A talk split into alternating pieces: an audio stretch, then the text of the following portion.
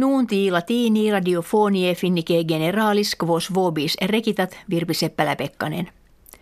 Presidens Mauno Koivisto, qui ante duas septimanas diem obit supremum, die ascensionis Christi publico sumptuu e latus est.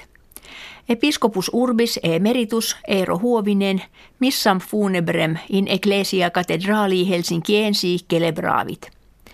Funebrem laudationem presidens rei Sauli Niinistö dixit.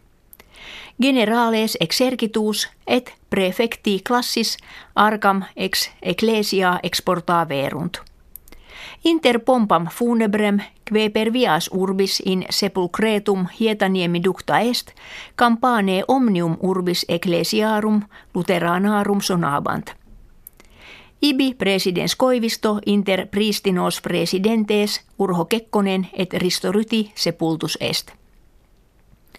In commemoratione post sepulturam verba fecerunt primus minister Juha Sipilä et pristinus primus minister Paavo Lipponen.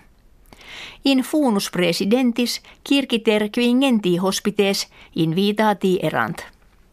In viis quibus pompa funebris processit complura dena milia forsitan complura centena milia kivium aderant – Vigiles urbis et milites securitatem custodiebant, sed dignitas et reverentia effecerunt, ut nulle fere perturbationes fierent.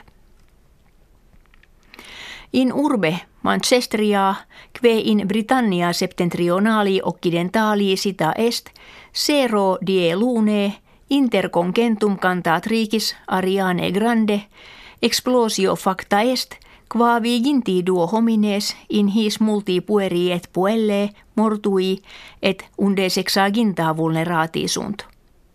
Explosio habetur scelus terroristicum. Inter hos duodecim annos complura scelera kve inter impetus terroristarum numerantur in variis Britanniae partibus facta sunt. Pars scelerum ad singulos homines spectaverunt – aliis sceleribus auctores kivibus maxima damna efficere temptaverunt. In libera societate ut gensuit minister Timo Soini fieri non potest ut ictus omnino impediantur.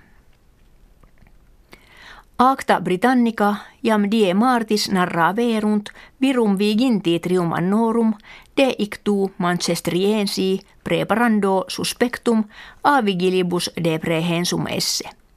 Id factum esse prope pantopolium in suburbio urbis meridionali ubi vigiles armati eum kepissent. Illum autem qui ictum fecisset in explosione interisse.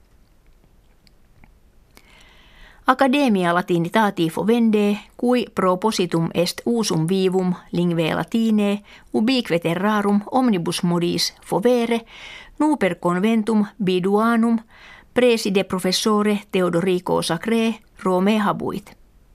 Postquam de novis sodalibus cooptandis et de novis academiae inceptis disceptandum est, dies in caupona urbis clausus est. Die sequenti ante meridiem fuit conventiculum in quo argumentum de profugis tractatum est.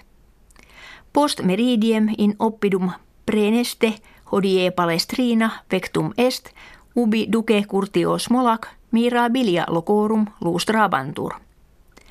Inde sodales in academiam vivari novi vectos ad genam Illius Academiae Preses Aloisius Miralia. Nuntis ita finitis gratias auscultatoribus agimus et valedigimus.